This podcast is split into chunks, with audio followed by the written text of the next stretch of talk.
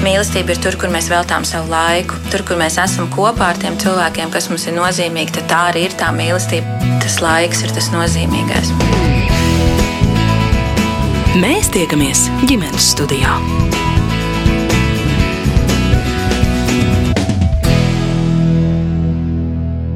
Labdien, un esiet sveicināti ģimenes studijā! Mani sauc Agnese Linka, un šodien, kā piekdienās ierasts, aicinu kopīgi doties viesos. Šoreiz uz kurzemes pusi - Sabili, kurp pirms pāris gadiem pārcēlušies un savu dzīvi pašā Pedvāles mākslas parka kalna pakājē iekārtojuši Oskars un Kristīne Volfi. Viņi audzina divas meitas un pirms kāda laika ātri un izšķirīgi pieņēmuši lēmumu pamest galvaspilsētu un lūkot pēc mājvietas tai pusē, kas abiem ir dzimtā. Viņi ir no Kuldīgas, bet viņš no Telsiem. Iespēju pārvākties ģimenē tagad deva tas, kā abi vecāki ir uzņēmēji darbībā. Oskars izgatavo rotas no savu mūžu nokalpojušu rokas pulksteņu mehānismiem, bet Kristīne ražo veidošanas masu bērnu rotaļām un visu, kas vēl nodara spēlēm ar plastilīnu. Kas sācies kā mammas apņēmība cīnoties par sava bērna attīstību un izaugsmi, nu pāraudzis veiksmīgā biznesā, jo Kristīnas produkcija ceļo uz veikaliem ne tikai Rīgā, bet arī Šveicē un pat Taivānā. Taču arī tad, ja tev vēl nav sava peļņas avota vai darba idejas, bet tu gribi dzīvot laukos un strādāt sev, šo iespēju katrs pats var izdomāt, uzskata Kristīne.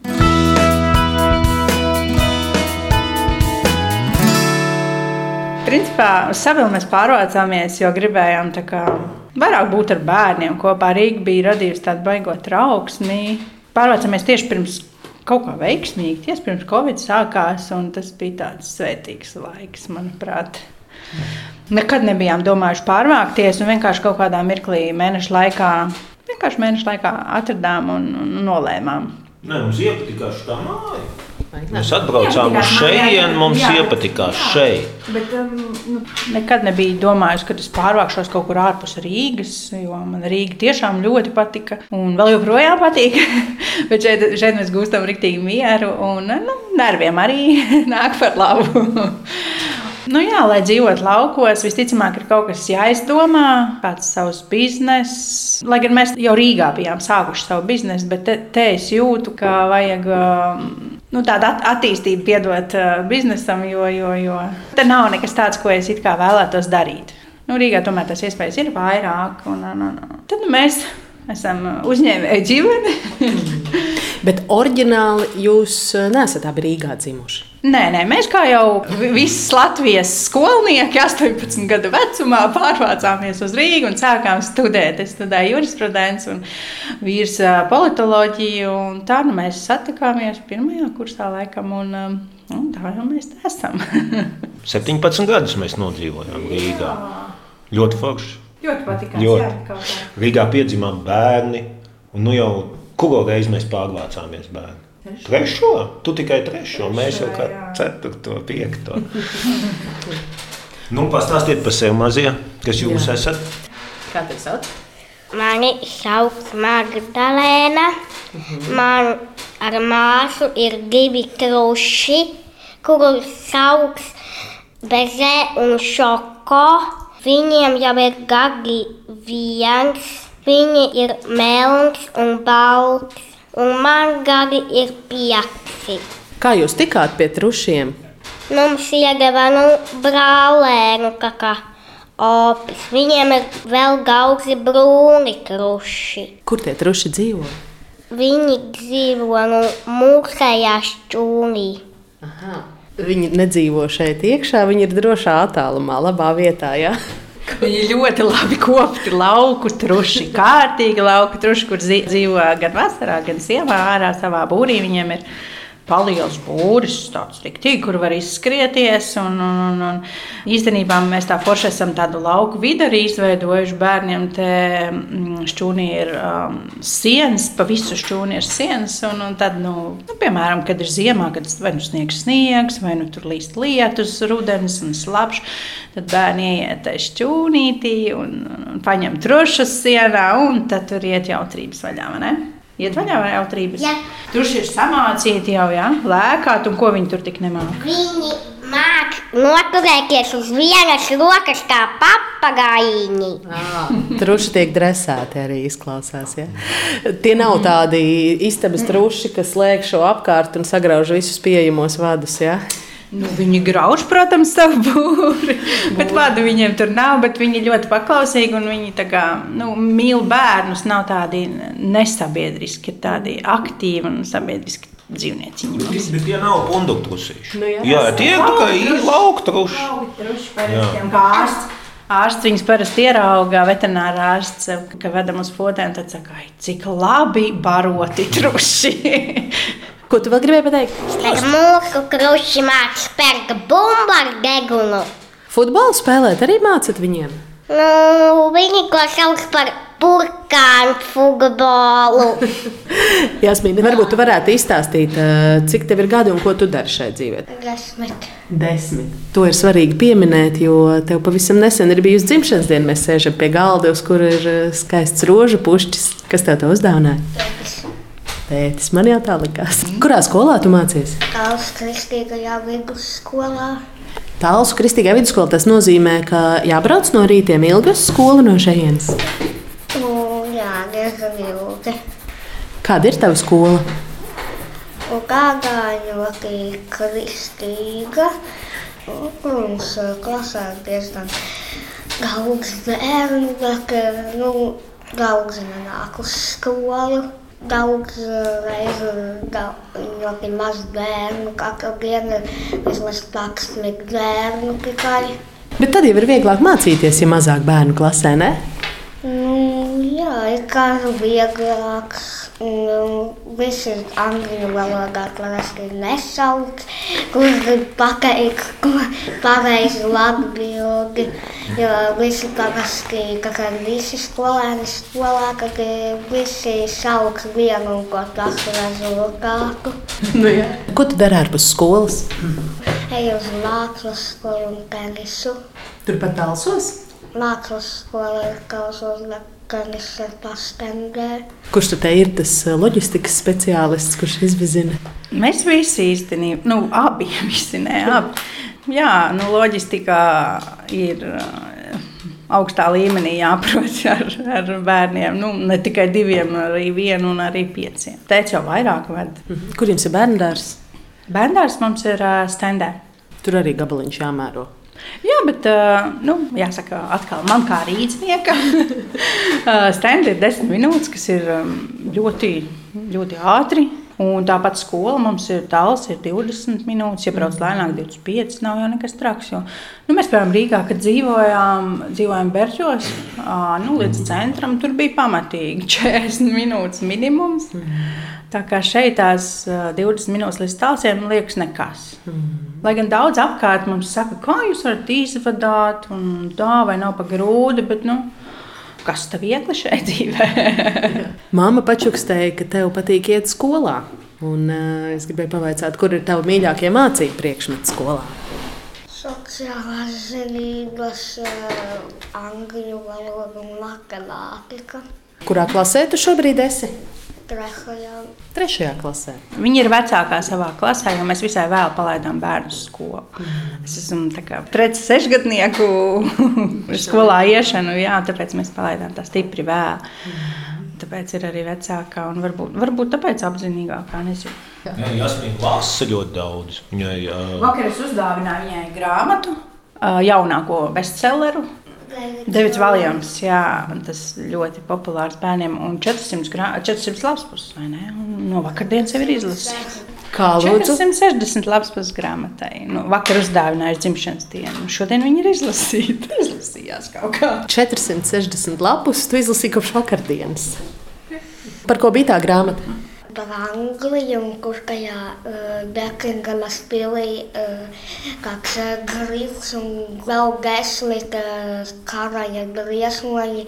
Viens uh, jaungars, kas gribēja viņus uh, atdzīvināt, lai viņi var valdīt ar pasaulu hīdi, kur bija uh, grifs, kāza, lava, tīģeri un ģepardi, un bija no dažādām valstīm, kā, un kad uz grīdas liekzēja, ka viņam grib uzzīmēt kādu, kādā zīmēju, un liekot katrus skulptūru, kajā vietā, no kurienes tā skulptūra ir nākusi. Mhm.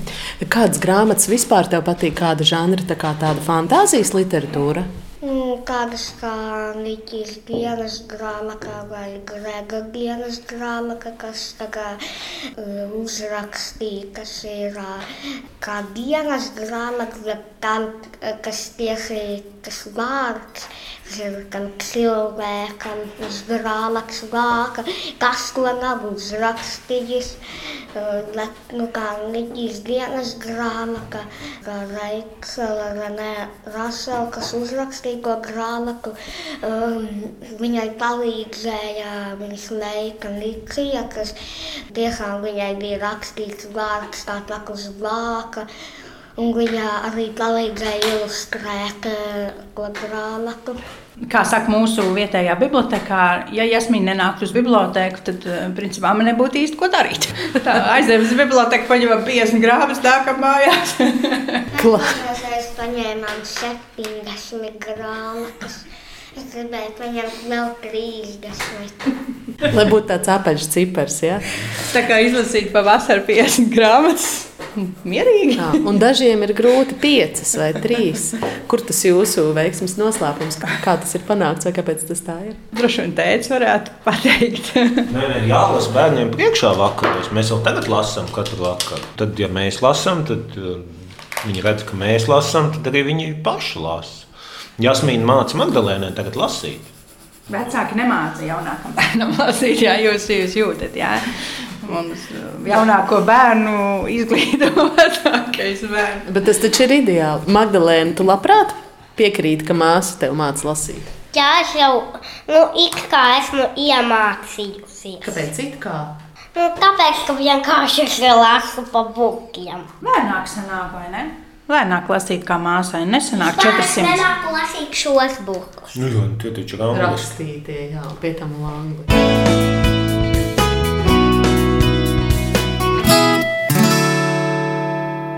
Kas ir tās jūsu ģimeni raksturojošās lietas, kā jūs eh, paši teikt, ja es lūgtu dažas tādas nosaukt?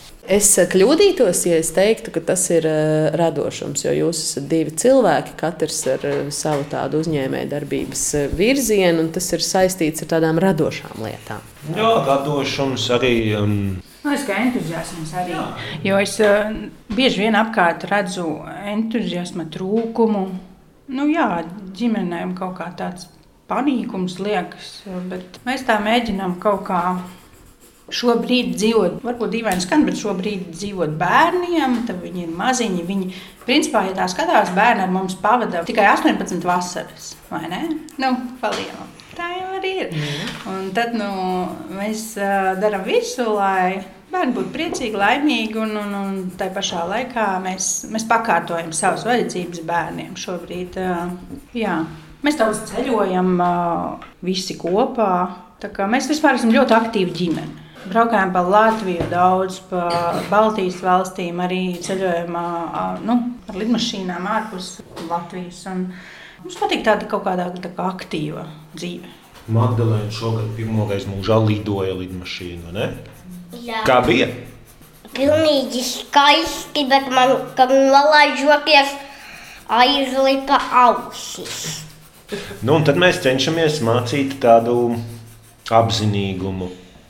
Cenšamies paši izdarīt un būt pret to, pret to darbu, arī, ko mēs darām tādā atbildīgi. Un tad mēs cenšamies arī bērniem stāstīt. Piemēram, Jasmīnai mēs cenšamies nepārbaudīt mājas darbus. Mēs tā kā pārjautājam, vai tu izdarīji, protams. Bet es cenšos nešķirstīt to, ko viņi dara. Jo nu, cilvēks taču desmit gadi gudrs vajadzētu būt. Cilvēks taču apzinās, vai viņš izpildīja mājas darbu vai nē. Nu, ja saka, ka izpildīja, tad izpildīja. Nu. Bērnu vietā nedarīt. Bērnu vietā nedarīt, jo tas oh. tikai slikti var izdarīt. Vai tas no pirmās klasītes tā uzticēšanās un atbildības došana pašam cilvēkam ir jūsu uh, stratēģija? Jā, mēs tā centāmies. Nu, pirmajā klasītē gan to, to mājas darbu bija stipri maz, un, un tad, un tad tas Covid jau bija, un viņi tur to pavasaru mācījās mājās, un tad tur tā nevarēja saprast, kas notiek. Kristīgā skola tiešām centās, cik nu ilgi varēja būt vaļā, tik nu bija vaļā, un tik tās stundas notika. Centās ļoti, bet jā, mazāk viņa raustīt, jo man tā kā šķiet, ka ja tu viņam pārjautā un paskaties, ko viņš ir izdarījis vai ko viņš nav izdarījis. Visticamāk, ka viņam nekad tam bērnam neradīsies tāda atbildība par to, ka man tas ir jāizdara. Ja tu izdari to, lai nu, teicis vai mamma būtu priecīgs, apmierināts, ka nu, tas mājas darbs ir izdarīts un viņš ir pareizs, nu, tad tu to izdarīsi tā mammas tēta dēļ, lai viņi izdara. Un arī, nu, ja tas bērns kā, pildot to mājas darbu, nu, nav viņa prāts izpildīt pareizi un ir izdarījis tik, cik viņš saprata, ļoti forši. Tik, cik saprata, tik saprata. Nu, reizē viņi man atnāk un kā, pajautā, lai paskatās, kā viņai ir sanācis, tā matemātika varbūt. Es arī skatos tos mācību materiālus, kas nu tur ir. Tur ļoti kreatīva tāda pieeja šobrīd visā tajā ir. Ka, nu, necenšas iemācīt to 3,8 ir tik, bet uh, tur visādi cenšas viņam iegalvot, kā tas veidojās. Un man šķiet, brīžiem ar to parādīšanu, kā to darīt, bērnam to galvu brīžiem liekas, ka tik sarežģīti parāda, ka viņš saputrojās vienā brīdī. Jo viņš īstenībā zina, cik ir 3,8. Nu, kaut ko tādu, un tajā trešajā klasē vienkārši liekas, nu, ejam uz priekšu. Bet, nu, tad, no otras puses viņam parāda, un tad uzzīmē vēl sarežģītā veidā. Un, Teicis, nu, vispār varētu runāt stundām par pedagoģiju. Ja? Viņam tāda aizrautība. Viņam kaut kāds slēpts hobijs, man liekas. Jo man nav tuvu pedagoģija, un es arī ne, neizprotu, nu, jāteic gan, ka es arī nebiju nekāda baigā teicamietas skolā, bet teica tiešām varētu runāt Viņš arī aktīvāk iesaistās tajā skolas dzīvē nekā es, jo jādara tas, kas patīk. Starp citu, īstenībā es arvien vairāk nosacinu, ka ļoti forši braukt ar bērniem uz skolas. Jā, tas ir laiks, ko tu pavadi kopā ar bērniem mašīnā. Pirmkārt, vajag viņiem atņemt telefonu, nu, neļaut kaut ko darīt tad, un izslēgt rādio. Un tad vajag parunāties. Tas ir baigi labais laiks, kurā tu vari parunāties ar viņiem. Rīgā to nevar izdarīt, jo tur stress ir. Tev visu laiku ir koriķis, gāzē, bremzē. Šitā es iesaistos mašīnā, un tad mēs 20 minūtes braucam. Nu, ir tukšs ceļš, pa kuru tu brauc. Saulīt, alst vai riet kā nu kuru reizi.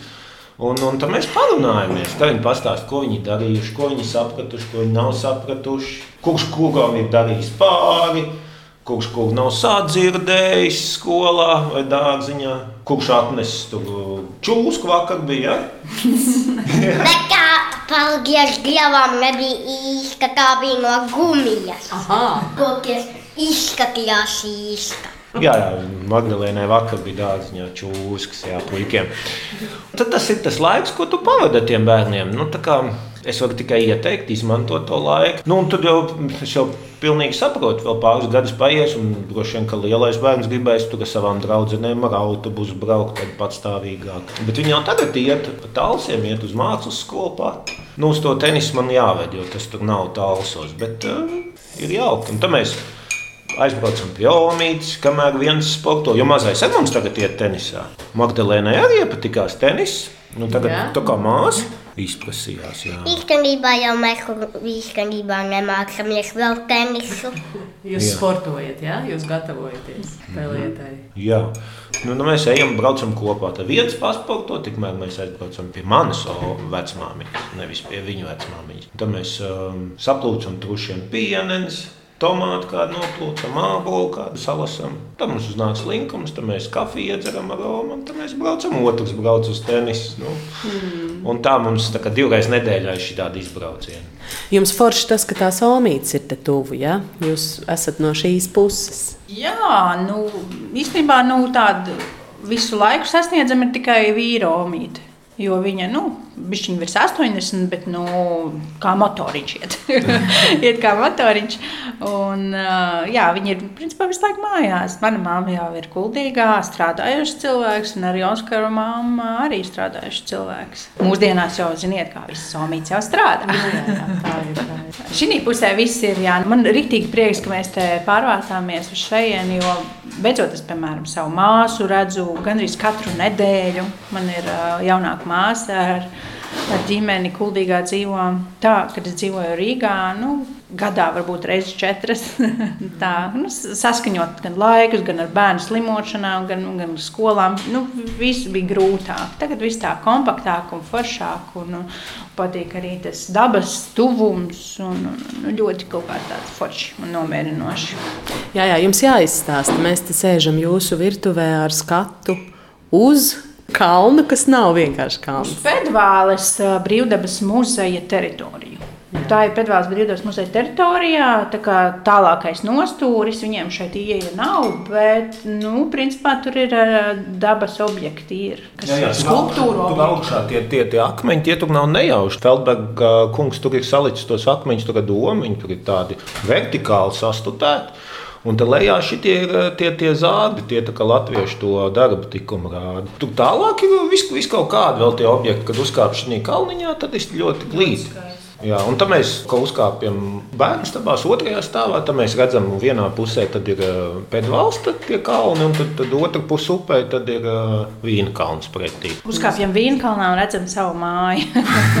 jā, jā.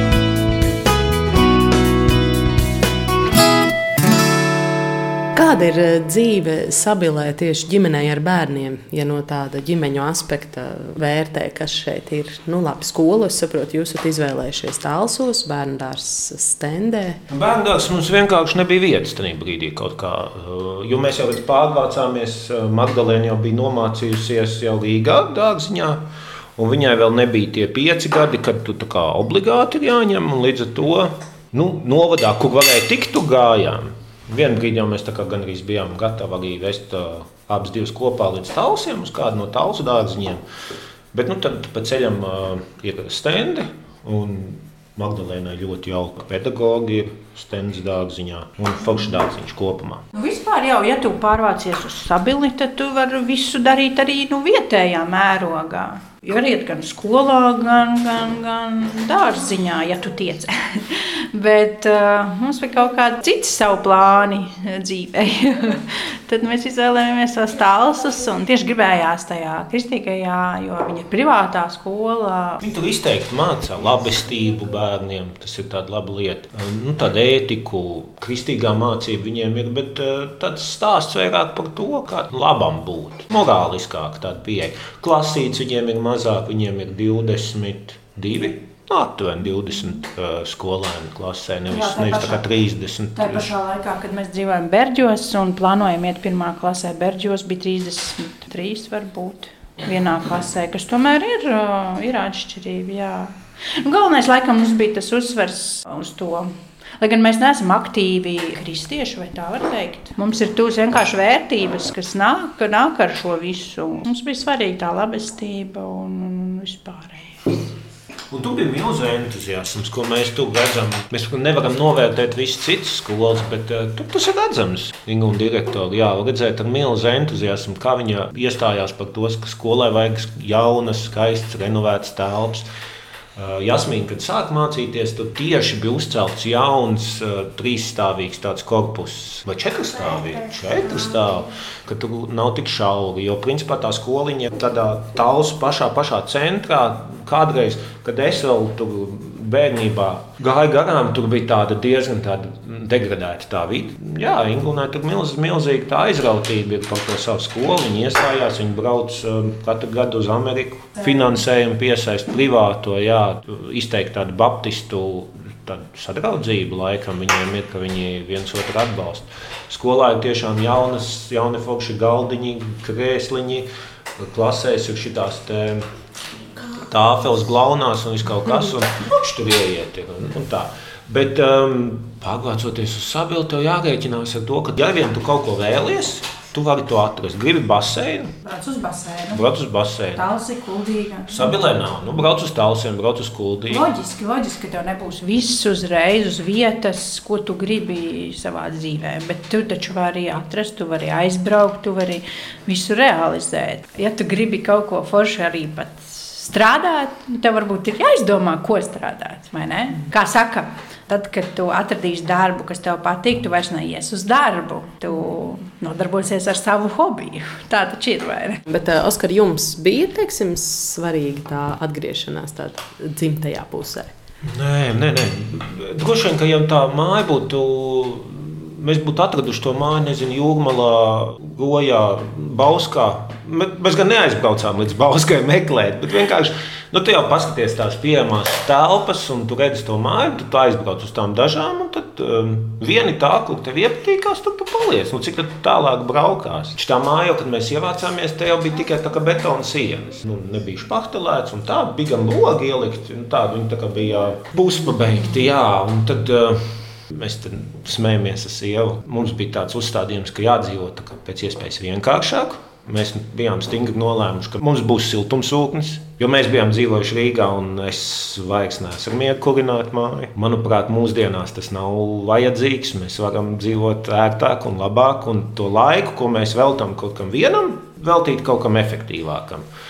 Nevis uh, nedēļām vest malku, pēc tam kurināt, bet tās stundas kopā saskaitot ir milzīgs laiks, ko tu vari veltīt savam darbam, kurā tu radi kaut kādu pievienoto vērtību. Tad bija betona grīda, ko mēs izsitām ārā, lai mums būtu siltā grīda. Visu kaut ko darījām, lai nu, būtu tā, kā tu gribētu dzīvot. Visu nokrāsojām paši. Nu, Falks, toreiz bija Covid, bija laiks. laiks krāsot sienas. Jā, tērās mēs taisījām, mēs tur divu nedēļu skrūvēju, lai būtu forši ārā iziet. Un tad mums te ir liels tas gabals, tā zāļainais gabals. Nu, arī Redzat, mēs tā pēc iespējas vienkāršāk. Kartupeļus nestādām, zemes nestādām, neko. Mums Omīts saka, nu kā, kā jums nu, iestādi tur, tur dobīt ar avenēm? Es saku, nu, priekš kam? Nu, es atbraukšu pie tevis, salasīšu to vienu trauciņu, tās avenes un tie bērni. Aiziešu vietējo tirgu kā nekā. Atbalstīšu vietējos. Jā. Jā, nu, man, man arī nav tāds dārzniecības gēns, nav man dārs, un uh, es nodotos savam hobijam tomēr, kas ir mans darbs un bizness. Kad pienāks tas laiks, kad gribēsies rušināties, tad uzdrošināšos. Ar varu nē. Mēs tiekamies ģimenes studijā. Šodien ģimenes studijā mēs tiekamies ar Wolfu ģimeni. Abi vecāki ir uzņēmēji un pirms pāris gadiem no Rīgas pārcēlušies uz Sabili. Tētis Oskars darina rotas, bet māma Kristīna ražo dabīgu plastilīnu un plastilīnu rotaļām derīgas lietas. Kā pati atzīst būt biznesā, viņa nekad netika plānojusi. Šai virzienā viss izvērtās tieši kļūstot par māmu.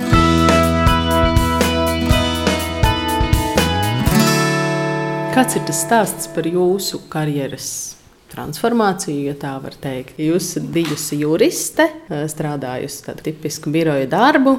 Un, um, tagad tas ir pārvērties, ka jūs ražojat plastelīnu vai veidošanas mm. masu. Kā tas notika? Vai tas ir tas stāsts, ka sievietē piedzimst bērni un tad viņa atraisās uzņēmējdarbības spēja vai kaut kas tāds? Jā, es strādāju juridisku darbu valsts iestādē, Ekonomikas ministrijā nostādīja kaut kādus sešus, varbūt gadus.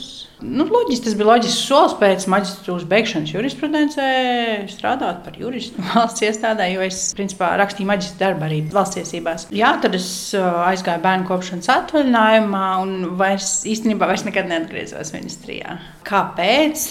Es pat nezinu. Man nekad nav bijis tāds uzņēmējs, kaut kāds gēns, kaut kādas vēlmes. Es pat nekad mūžā nebūtu iedomājusies, ka es šo darīšu. Bet kaut kā pamazām man bija tā, ka um, piedzima Jasmīna. Viņa principā piedzima nu, visai lielā, lielām veselības problēmām, kurām mēs joprojām necīnāmies, bet risinām. Sadzīvojam, Sadzīvojam risinām uh, ar operāciju palīdzību. Es sapratu, ka es negribu atgriezties darbā, es gribu vairāk būt ar to savu bērnu. Tad mums vienā cienījama logopēde pateica, ka nu, neiedomājieties, ka jūsu bērns tur runās. Man laikam kaut kāds spīdzi iestājās, ka es gribēju pierādīt, ka nu, tā jau nu nebūs, kā jūs pateicāt. Un tad es ļoti, ļoti aktīvi sāku interesēties, kā attīstīt vispār bērnu valodas prasmes un tam līdzīgi.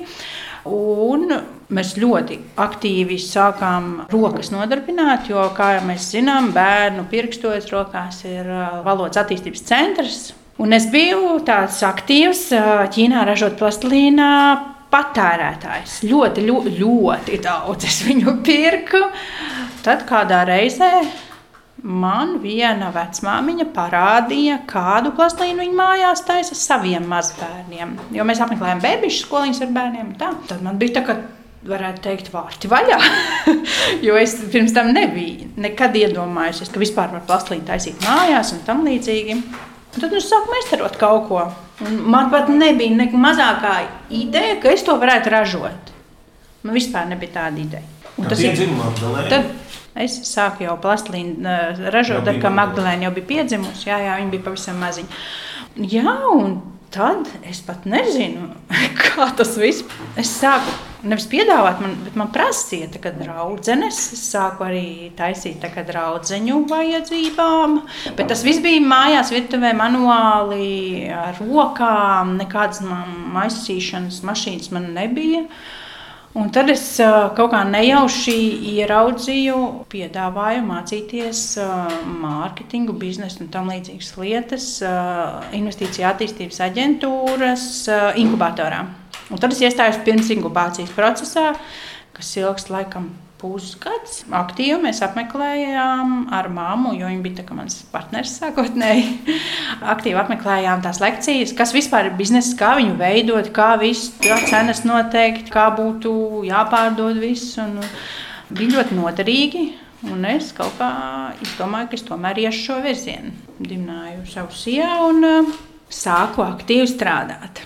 Godīgi sakot, pirmajā, pirmajā gadā nu, ļoti nīkulīgi es pievērsos tam visam. Kaut kā nebija tā kā grūdienis no iekšienes vai kā.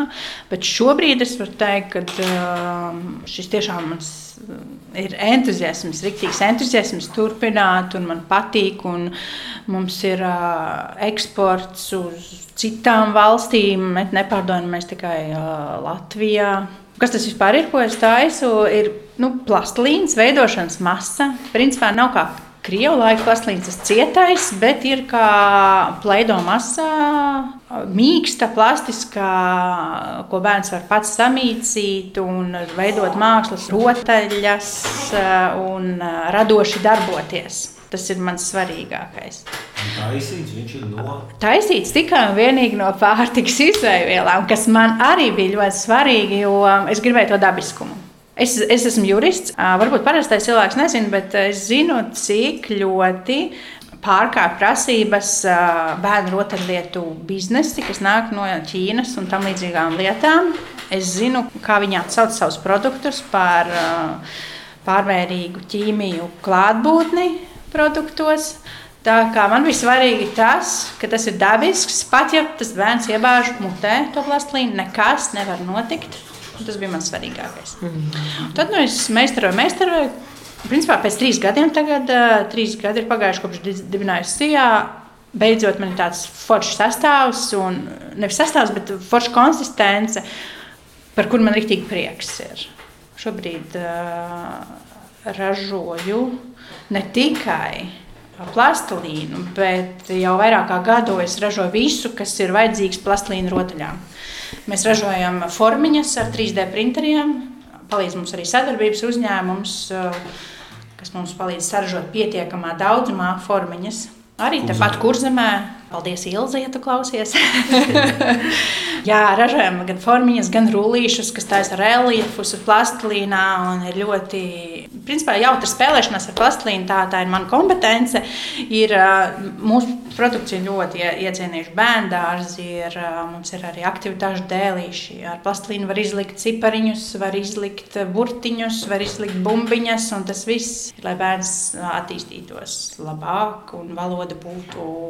Jā, un mēs attīstāmies un ejam tālāk. Es laikam aizrunājos.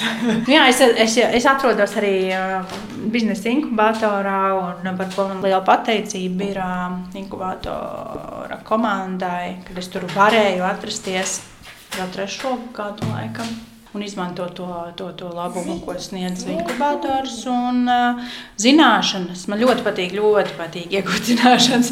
Tagad ir tik daudz iespēju, kur um, sēžot laukos, datorā mācīties, jebko, ko sirds vēlas. E-komercija, mārketings, biznesa, reklāmas veidošana, kanvas, jeb, jebkas, kas tev var palīdzēt biznesam.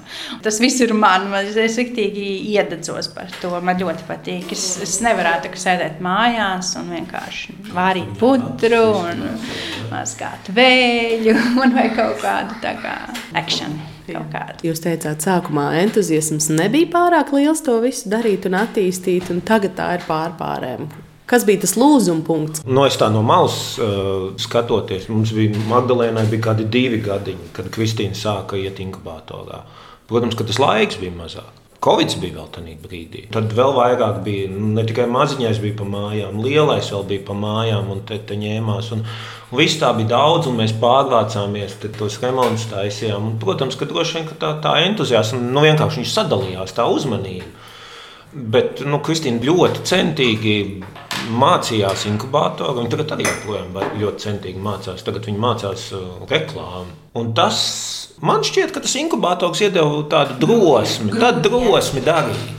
Tādu kaut kādu spīti, jo nu, mums ir tā kā, kā dzēnu uz priekšu, nu, neteiksim tā kā pātaga, mēs tur dzenam uz priekšu, bet nu, tā kā nu, stumji tevi uz priekšu, un tev iekšā, vismaz man tā ir, man iekšā tā kā spīts, kad es to varu izdarīt un mēģinu. Protams, es neeju pāri līķiem, un, un, un, un jāņem vērā, ka, lai nerodas trauksmes, psiholoģiskas kaut kādas lietas, tādas traucējošas, bet tā savā tempā es forši attīstos tādā, varētu teikt. Nu, man ļoti patīk, tas, ka klientu atsauksmes, man ļoti, ļoti silti klientu atsauksmes un, un, un pieaugušo klientu apjoms. Un, un, un, un man raksta no tādas un tādas vārdas, ka gribētu pārdot manus produktus. Tas vienkārši ļoti motivē, motivē darīt. Man ļoti simpātiski likās tas, ka es paskatījos jūsu mājaslapā. Kaut kādā tur sadaļā par mums uh, ir teikts, jā, ka šī plastelīna, jeb masas uh, sastāvdaļas nav noslēpums un viss uzrakstīts. Un tas jā. dabiskums, ko jūs pieminējāt, cik svarīgs jums tas ir tādā jūsu ikdienā, es nezinu, mājas ģimenes dzīvēm stāvat un krītat par eko? Nē, nē, nē. mēs neesam eko ģimene. Vienkārši bērniem ļaujam, šādi, nē, bērniem ļaujam arī parasto iedzert. Nav, tas, tas nav nekas nāvējošs. Nē, nē, tā nav. Visu kaut ko ļaujam. Jā, jā, jā, bet uh, saprotiet, lai, lai, lai kaut kā, lai tu atšķirtos no citiem, tev ir jāizdomā, ar ko tu atšķirsies no citiem. Uh, jo, nu, maizi nu, tumāki visticamāk cept maizi mājās, bet tu taču pēc arī veikalā maizi. Nu, tāpat tās arī plastilīna. Es viņu vienkārši māku pagatavot, un ne katram mājās ir jāražo plastilīns. Mm -hmm. Tu, protams, vari ražot, tāpēc arī man nav nekāda noslēpuma attiecībā pret sastāvdaļām. Tu vari ražot mājās gan plastilīnu, gan ražot maizi, gan uh, turēt govi, gan taisīt biespienu, jebko? Mēs taču zinām, kā kas rodas, bet mēs jau esam tā kā mūsdienīga sabiedrība. Mēs visu taču netaisām mājās paši. Tāpēc kādam ir jāražo plastīns, kādam ir jāražo biespiens. Bet par to dabiskumu ģimenē. Es domāju, ka jebkura mamma savam mazulim izvēlas pēc iespējas uh, labākas lietas, un varbūt tieši tas bija tas kādēļ es pieķēros tam dabiskumam. Nē, tad, bija bērni, mums maziņa Kristīna bija ļoti aizgājusies īstenībā. Viņa bija, bija, bija tas, tas, tas periods, protams, tur Jasmīnai bija, tur vēl maziņa bija, viņai bija tā pāris operācijas, kad viņa bija maziņa, tad vēl jau vairāk bija svarīgi, ka dēdu tādas um, dabiskākas lietas. Jasmīnai bērnībā mīļākais ēdiens bija brokoļi un ziedkāpos. vēl joprojām. vēl joprojām. Jā, brokoļus, jā. Man mīļākais ēdiens bija avokado un piespiedu. Lūk, cik veselīgi. Nē, nu, nav, mēs neesam nekādu eņģelīšu ģimenīti. mēs ēdam arī končus un tam čipsus un tam līdzīgas lietas.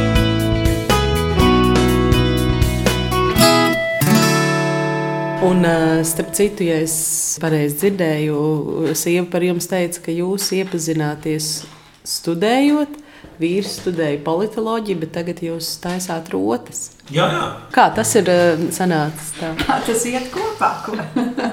tas, tas iet tāpat, kā Kristīna teica, ka vienā brīdī tavs hobijs un tāda aizraušanās pārtopa tavu darbu. Un, um, es, es taisīju visu kaut ko, taisīju visādas um, lietas, kas bija tā, ko es dāvināju sākumā cilvēkiem. Jo, nu, mēs jau, kad ejam ciemos, gribam kaut ko tādu foršu uzdāvināt. Tad kaut ko pats. Un, un tagad taisu rotas. Galvenokārt tās rotas ir um, pulksteņa otra dzīve. Es, e, man ir um, personīgi žēl, ka tos pulksteņus, kad viņi vairs neiet, vienkārši nu, izmet ārā. Kas tā notiek? daudz izmet ārā. Un tad ir tāda sabiedrības tāda prātīgākā daļa, kas uh, aiznes pulksteņu meistaram. Nu, tā kā atdod vienkārši. Tad es eju pie viņiem un nopērku pusi spaini ar nejošiem pulksteņiem. 15 kg pulksteņus lūdzu.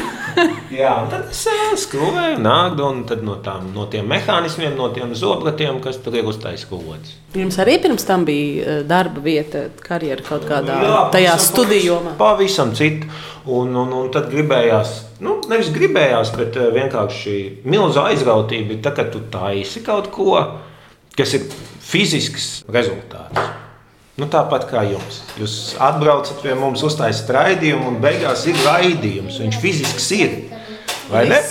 Tā nav vairs. Mēs Jā, par to tieši kreņķējamies. Nu, bet ir kaut, kāds, ir kaut kāds produkts, vai ne? Ir kaut kāda lieta, kaut kas. Nu, man jau arī tas pats, es uztāju tur uz auskars smuks, un, un atnāk dāma nopērk un aiziet. Viņš jau arī vairs nav, viņš jau pazūd.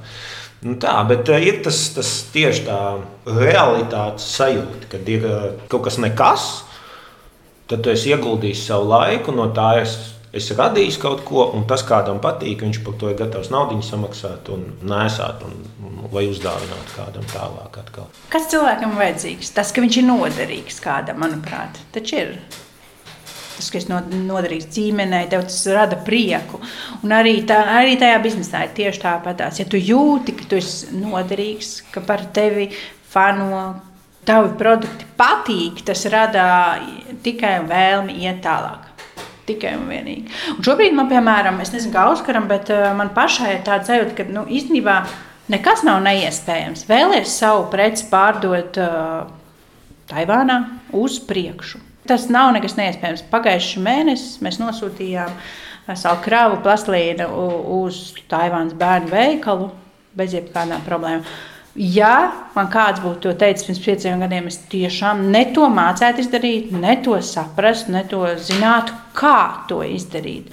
Bet uh, man ir rīktīgi liels prieks. Nu, es pati uzturu savus sociālos tīklus, pati strādāju ar sociālo tīklu auditoriju, un es jūtu, ka nu, mani, piemēram, pirms pusgada uzrunāja viens šveices lielveikals.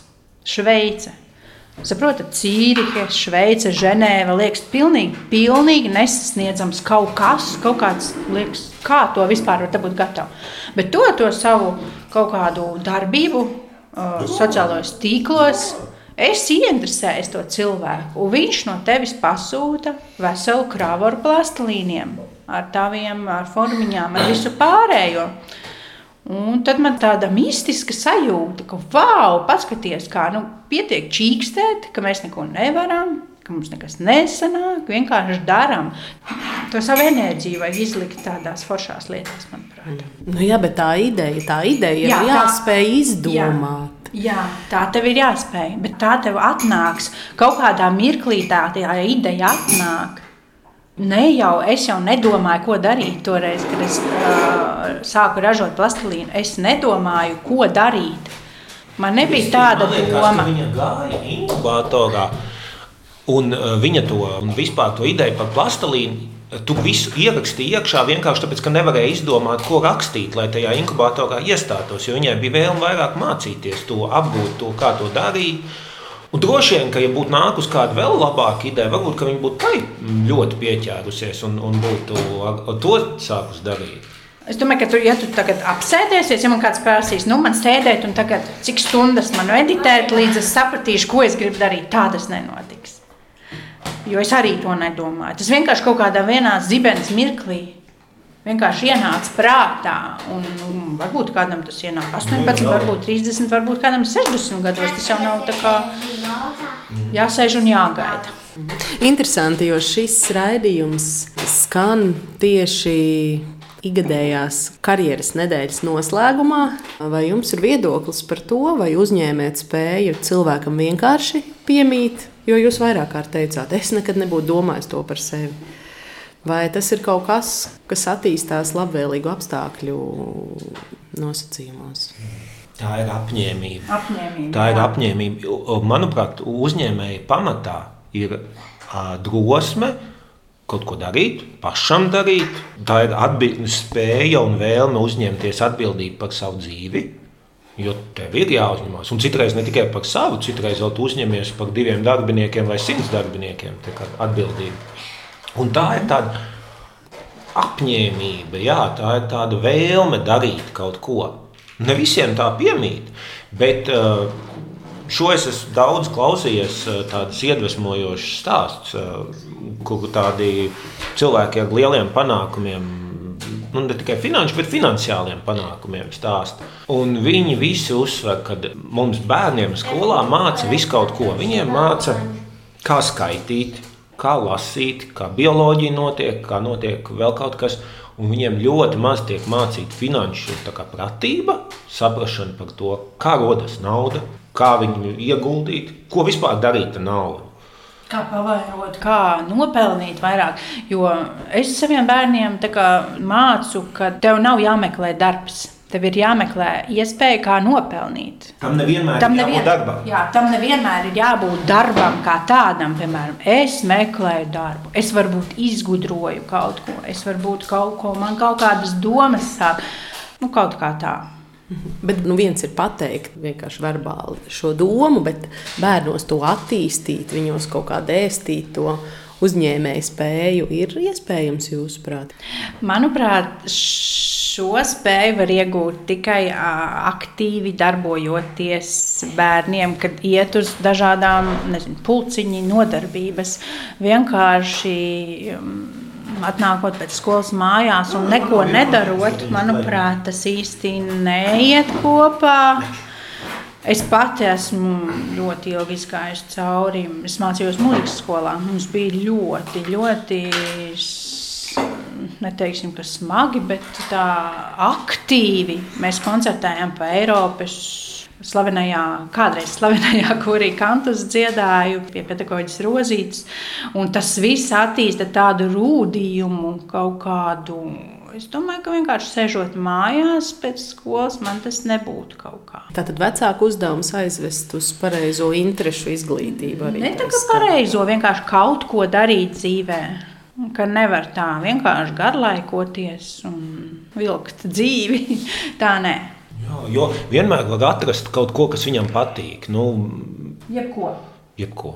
Jasmīnai toreiz mēs sākām vest Jasmīnu uz tenisu. Vienkārši tāpēc, ka mēs dzīvojām Berģos, un turpat Garkalnē bija forša sporta skolotāja, kas eh, vakaros eh, vadīja tenisu pulciņu bērniem. Nu jau tādēļ, ka mēs gribējām, lai viņi kļūst par tenisistu, un pat šobrīd neko mēs negribam. Mēs gribam, lai bērns ir aktīvs, lai viņš plāno savu dienu, lai saprotu, ka diena nesastāv tikai no, no, no gulēšanas dīvānā. Šodien ģimenes studijā tikāmies ar Wolfu ģimeni no Sabilas, ar Kristīnu, Oskaru, Jasmīnu un Magdalēnu Wolfiem. Sarunājos es Agnese Linka.